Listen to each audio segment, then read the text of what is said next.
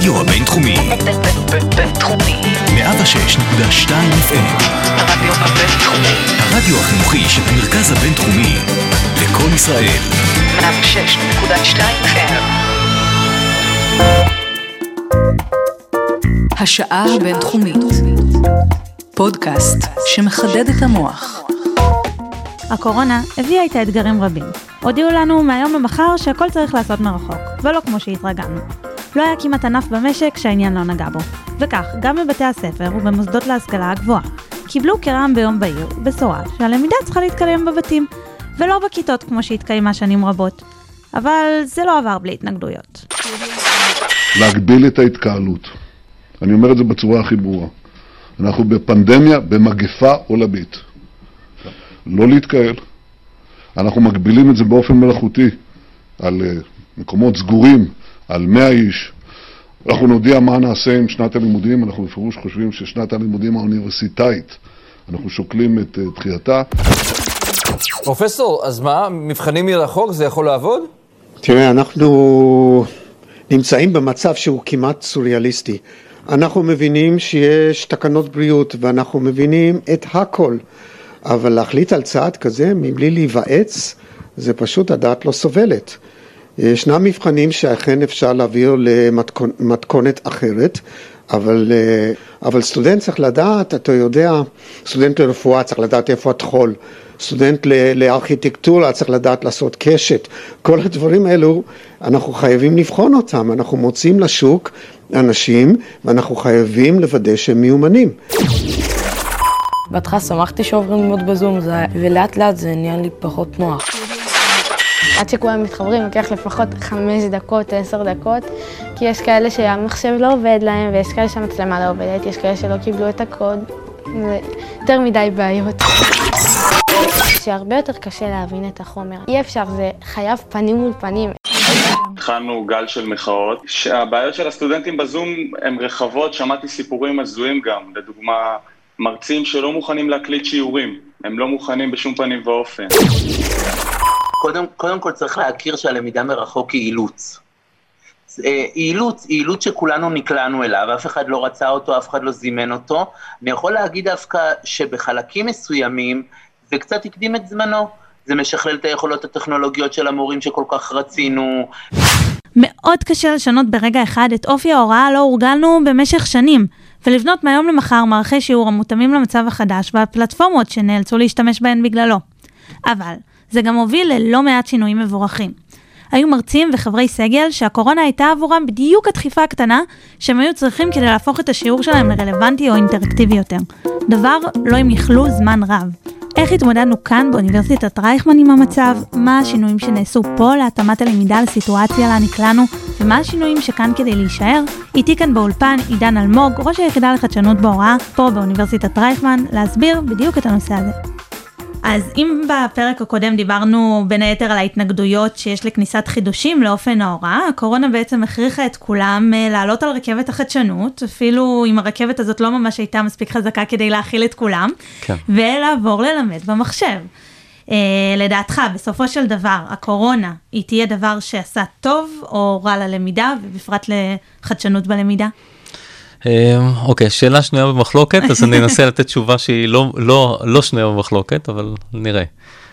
אני יכול להגיד ככה, זה הרבה אנשי מקצוע, אני ראיתי ברגע שהתחילה הקורונה, התחילה התלהבות ברשתות. כלומר, ראיתי הרבה עמיתים שלי כותבים, הגיע הזמן, מבינים את החשיבות שלנו, עכשיו אנחנו העתיד, ואני לא כל כך הרגשתי ככה.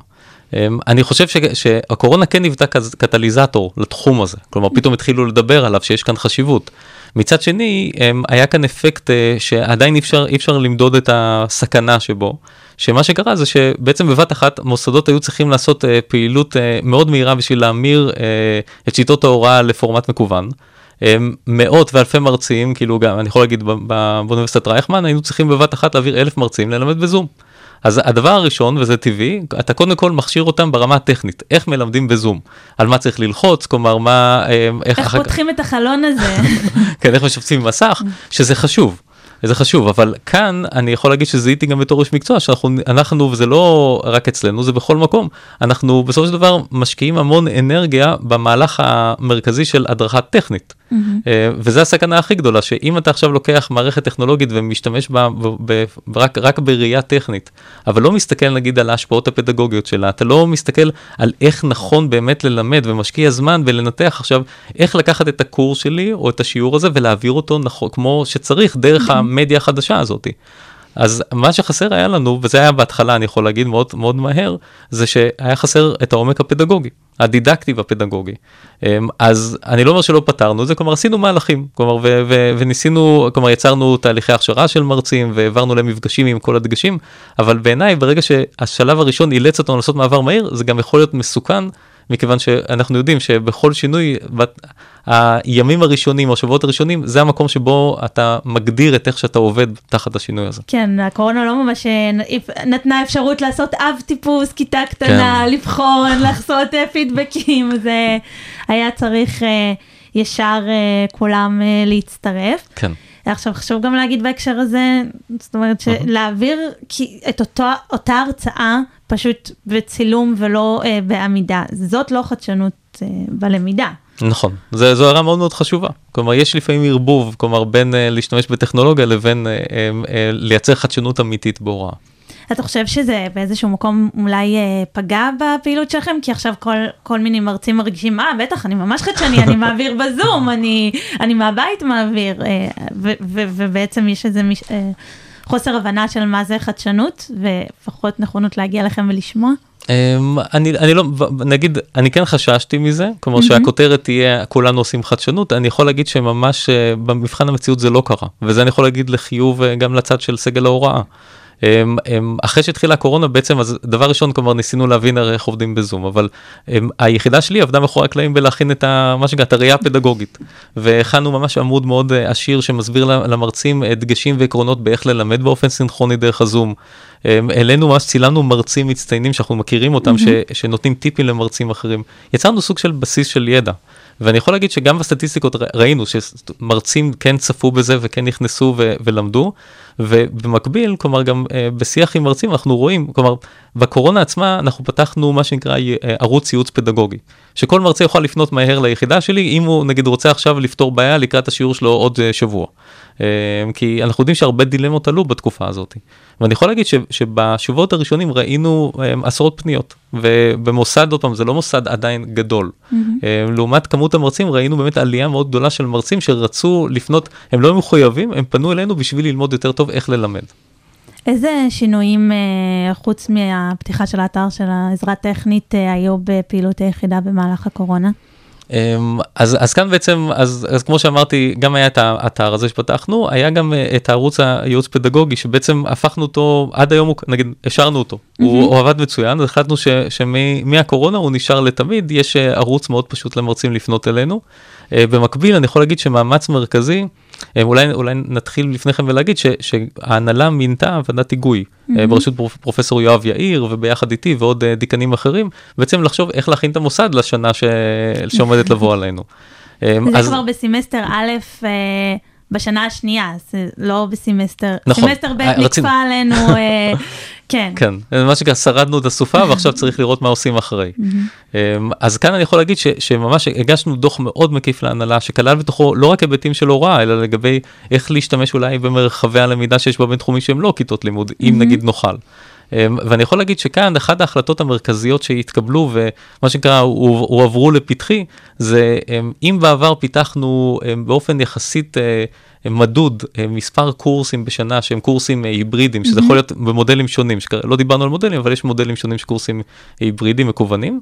מה, ש... מה שקרה כאן זה שבבת אחת התקבלה החלטה עכשיו צריך להפיק 15 קורסים.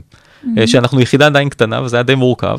אז מה שעשינו כאן זה, זה, זה גם לזהות את הקורסים שבהם יש אימפקט גדול יותר, כלומר בעזרת הדיקנים. דבר שני היה זה לפתח, ממש פיתחנו קונספט הפקה מאפס, כלומר שבמקום אה, להשתמש בהפקה רגילה, ואני לא אכנס כאן לעולם המקצועי כי אני לא רוצה להשמיד, להשמיד את אחוזי ההאזנה. אה, מה שאפשר להגיד זה שייצרנו קונספט שמאפשר לנו לבצע הפקה הרבה יותר מהירה באמצעות בעצם הקלטה בניתוב חי. Um, והחשש שלנו, ואני עכשיו אחלוק, היה לנו ממש חשש לגבי האם פגענו או האם אנחנו נפגע בעומק ובעושר הפדגוגי של הפעילות של היחידה. אה, בעצם במקום לקחת עכשיו קורס וללוות את הכתיבה שלו ולכתוב תסריטים סביב כל שיעור, בעצם עשינו הקלטה פרי סטייל. עבדנו על המצגות, עיבינו אותם, אבל לא עשינו, לא ידענו מה המרצה הולך להגיד מילה במילה. אמ, וכאן אני יכול להגיד שדווקא בסקרים ובמשובים שהרצנו ובשיחות עם, גם עם, עם סטודנטים, ראינו בר, שברמה הסטטיסטית שביעות הרצון אה, ברוב הקורסים, mm-hmm. לא רק שלא ירדה, היו לנו קורסים, שנגיד שני קורסים מתוך 15 האלה שקיבלו שביעות רצון יותר גבוהה מאשר כל הקורסים ש, שעשינו בעבר. אה, וזה לימד אותי עוד פעם, זה לא שלא אמרתי, שזאת, לא חשבתי שזאת אינה אפשרות, אבל זה לימד אותי שבאמת אמ, אנחנו צריכים לפעמים להיזהר בלא לתת יותר מדי משאבים חיצוניים או מלאכותיים לתוכן פדגוגי, אלא פשוט לפעמים להעביר אותו אמ, על ידי לאפשר למרצה לזרום איתנו. כלומר, לא עכשיו לתכנת אותו ולתכנן את הכל מראש. זה היה שיעור מאוד, מאוד חשוב. אולי בואו נרחיב באמת, נגענו בזה גם בפרק הקודם, אבל mm-hmm. על, על מה זה קורס היברידי וסוגי הקורסים ההיברידיים, ושהיברידי זה לא מעבירים את ההרצאה שהמרצה בכיתה, אבל יש סטודנט בזום ו... כן, אז, אז, אז, אז כדי לעשות את ההבחנה, אז נתחיל ממה זה לא קורס היברידי, כלומר לפחות ברמה הקלאסית, כלומר יש את הכיתות שאני קורא להן בעברית היברידיות משולבות, mm-hmm. ש, שבאנגלית קוראים להן כיתות HyFlex, זה hybrid flexible. שברוב המוסדות ראינו שאחרי שהקורונה השתרשה והבנו שהיא נשארת, אז רצו למצוא אפשרות שמתי שמעבירים שיעור, אז השיעור גם יועבר בכיתות, אבל בזמן חי גם ישודר לסטודנט, לקבוצה שלומדת מרחוק, mm-hmm. שתוכל גם לשאול שאלות, כלומר זה גם ברמה הטכנולוגית קצת יותר מורכב. וזה לא ההיברידי שעליו אנחנו מדברים. בדיוק, זה לא ההיברידי שעליו אנחנו מדברים, אנחנו מדברים על קורסים שבעצם בהגדרה הרחבה שלהם, חלק מהתוכן נלמד בצורה אסינכרונית, שזה יכול להיות או סרטונים, או שילוב של אה, טקסטים דיגיטליים, כלומר ספרים דיגיטליים. אה, כל דבר, כישורים, כלומר כל דבר שבעצם התוכן התיאורטי אה, אה, מרוכז באמצעים שונים שהסטודנט לומד לבד בבית, ולאחר מכן במפגשים עם המרצה זה יכול להיות או בכיתה או באופן סינכרוני דרך הזום, כלומר יש לנו כאן עכשיו אפשרות לעשות יותר שיח, יותר ליישם את מה שלמדנו, כלומר אם אני אדבר כרגע על, על, על היברידי, היברידי קלאסי זה פרי סטייל, כלומר אסינכרוני וביחד עם זה שיעורים סינכרונים, mm-hmm. אנחנו מאוד אוהבים להגדיר היברידי שהוא בפורמט כיתה הפוכה. Mm-hmm. שכיתה הפוכה או באנגלית flipped classroom בעצם אומר שאם את כלומר ואת מכיוון שעוד פעם את סטודנט שלנו את יודעת שברוב הקורסים באקדמיה. בכל מקום אנחנו תמיד מגיעים לכיתה בשביל לשמוע הרצאה. או לשמוע נגיד זה יכול להיות ברמה שגם פעילות מסוימת אבל אנחנו מגיעים לכיתה בדרך כלל לרמות חשיבה יחסית נמוכות של אה, ל, תוכן תיאורטי ברמה של זיכרון כלומר מה אני זוכר ויכול לשנן אחר כך ממה שהמרצה לימד ולפעמים גם הבנה. ואת העיבוד עושים בבית אחרי זה ב... בבית אה, במצב הטוב בבית אה, ב... לקראת בעבודות במצב כן. הפחות טוב למבחן ובמצב הממש רע רק משננים עד הסוף. לגמרי לגמרי שזה דרך אגב באמת לא עובד אבל יש אנשים שעדיין חושבים שזה עובד. אבל, אבל את צודקת שבעצם העיבוד או רמות חשיבה הגבוהות, שזה יכול להיות אנליזה, כלומר לנתח, אה, לעשות הערכה של מה שלמדתי, אני עושה המון פעמים במטלות בבית. הרעיון של כיתה הפוכה אומר, בוא נקליט נגיד את המרצה כדוגמה, כלומר נקליט, mm-hmm. נקליט עכשיו את רוב התוכן התיאורטי, בוא, שהסטודנטים ילמדו ויגיעו מוכנים כלומר, יש לנו גם דרכים לעודד את הדבר הזה על ידי בחנים, על ידי שאלות אינטראקטיביות. ברגע שהם מגיעים מוכנים לכיתה, יש לנו באמת אפשרות לנצל את המומחיות של המרצה ולשאול אותו שאלות, לקיים שיח הרבה יותר מעמיק וגם לבצע פעילויות בתוך הלמידה שלרוב הזמן אין לנו בכיתה רגילה. אמ, איזה מהשינויים האלה שנעשו בתקופת הקורונה בלית ברירה אה, התגלו כמאוד חיוביים וכאן כדי להישאר? טוב, זו שאלה מאוד קשה, mm-hmm. אז אני יכול להגיד ככה, שיש קודם כל את הרמה הטכנית, שהיא יותר, יותר קל לי להשיב, mm-hmm. ברמה הטכנית. ברמה הטכנית אנחנו יודעים או מעריכים שמערכות כמו זום, כלומר להעברת שיעורים סינכרונים, יישארו בפורמט כזה או אחר. Mm-hmm. יש להם ערך גם פדגוגי, כלומר יש אנשים שלא אוהבים את זה ואפשר לדבר גם למה, אבל יש כן ערך אה, אה, להעביר שיעור באופן סינכרוני, גם אם אני רוצה ללמד מספר קהלים בעולם. אם אני רוצה נגיד לייצר באמת חלוקה של קבוצות למידה מקוונות הרבה יותר אה, אה, אה, מגוונות מבחינת החלוקה בהן. כן, אני יודעת יכול... שלכאן בבינתחומי יש איזשהו קורס שעובר אה, עם סינגפור, אה, בבית הספר למשפטים למשל, זה משהו שאי נכון. אפשר לעשות אה, ללא נכון. זום. נכון, אז, אז יש, יש כאן הרבה דברים ש, שיכולים להישאר, אז נגיד מערכות כמו זום, כן, המנגנון של הקלטות של שיעורים, שבעבר זה היה במספר מאוד אה, אה, מצומצם של תוכניות כאן, אז היום יש לנו הקלטה לכל שיעור. או למרבית השיעורים, כלומר יש שיעורים שבהם יש בעיה לבצע הקלטה ברמה התוכנית פדגוגית, אבל רוב הקורסים. אז אלה דברים שברמה הזאת של יש פה גם ערך פדגוגי וגם שירות לסטודנט בפורמט של הקלטה, זה כנראה יישאר. אה, ברמה הפדגוגית, כלומר השינויים יותר עמוקים, אני חושב שפשוט זה, לא- אי אפשר להגיד שזה זה יישאר, כי אנחנו בעצם נמצאים בתהליך התפתחות. הקורונה זירזה חלק ממנו, כלומר במובן של מרצים צריכים וחייבים לחשוב מחדש על הקורס שלהם, על אופן ההעברה וההוראה שלהם. אז אנחנו יודעים שברגע שהקורונה כפתה על חלק מהמרצים לשנות מדיה ולשנות פורמט, אז זה אוטומטית עודד אותם גם לחשוב על הקורסים שלהם מחדש. אז אנחנו כן רואים שבמהלך הקורונה יש נגיד יותר מרצים, כמו שאמרתי, שפנו אלינו, ראינו יותר פעילות בתחום של אינטראקציה בכיתה. אה, בעצם עלינו ב-90 אחוז, כלומר אם בעבר נגיד ח- כיסינו משהו כמו 2,000 סטודנטים ש, ש, ש, שלמדו בקורסים עם מערכות אינטראקציה בכיתה, בשיא הקורונה הגענו לקרוב ל-4,000. אז אני יכול להגיד שכאן אנחנו נראה פשוט יותר ויותר הבשלה של תהליכים שבעבר היו יותר איטיים. אני חייבת ל- ל- ל- להגיד שמההרגשה האישית שלי, ואני מדברת על כלל האקדמיה, לא על אוניברסיטת אה, רייכמן אה, אה, באופן ספציפי, לי הרגיש שעכשיו, בתחילת השנה הזאת, ברגע שהיה ניתן להגיע לכיתות, היה איזשהו רצון לרוץ לכיתה, לשכוח את כל הטראומה הזאת שהייתה ולשים אותה מאחור. ו...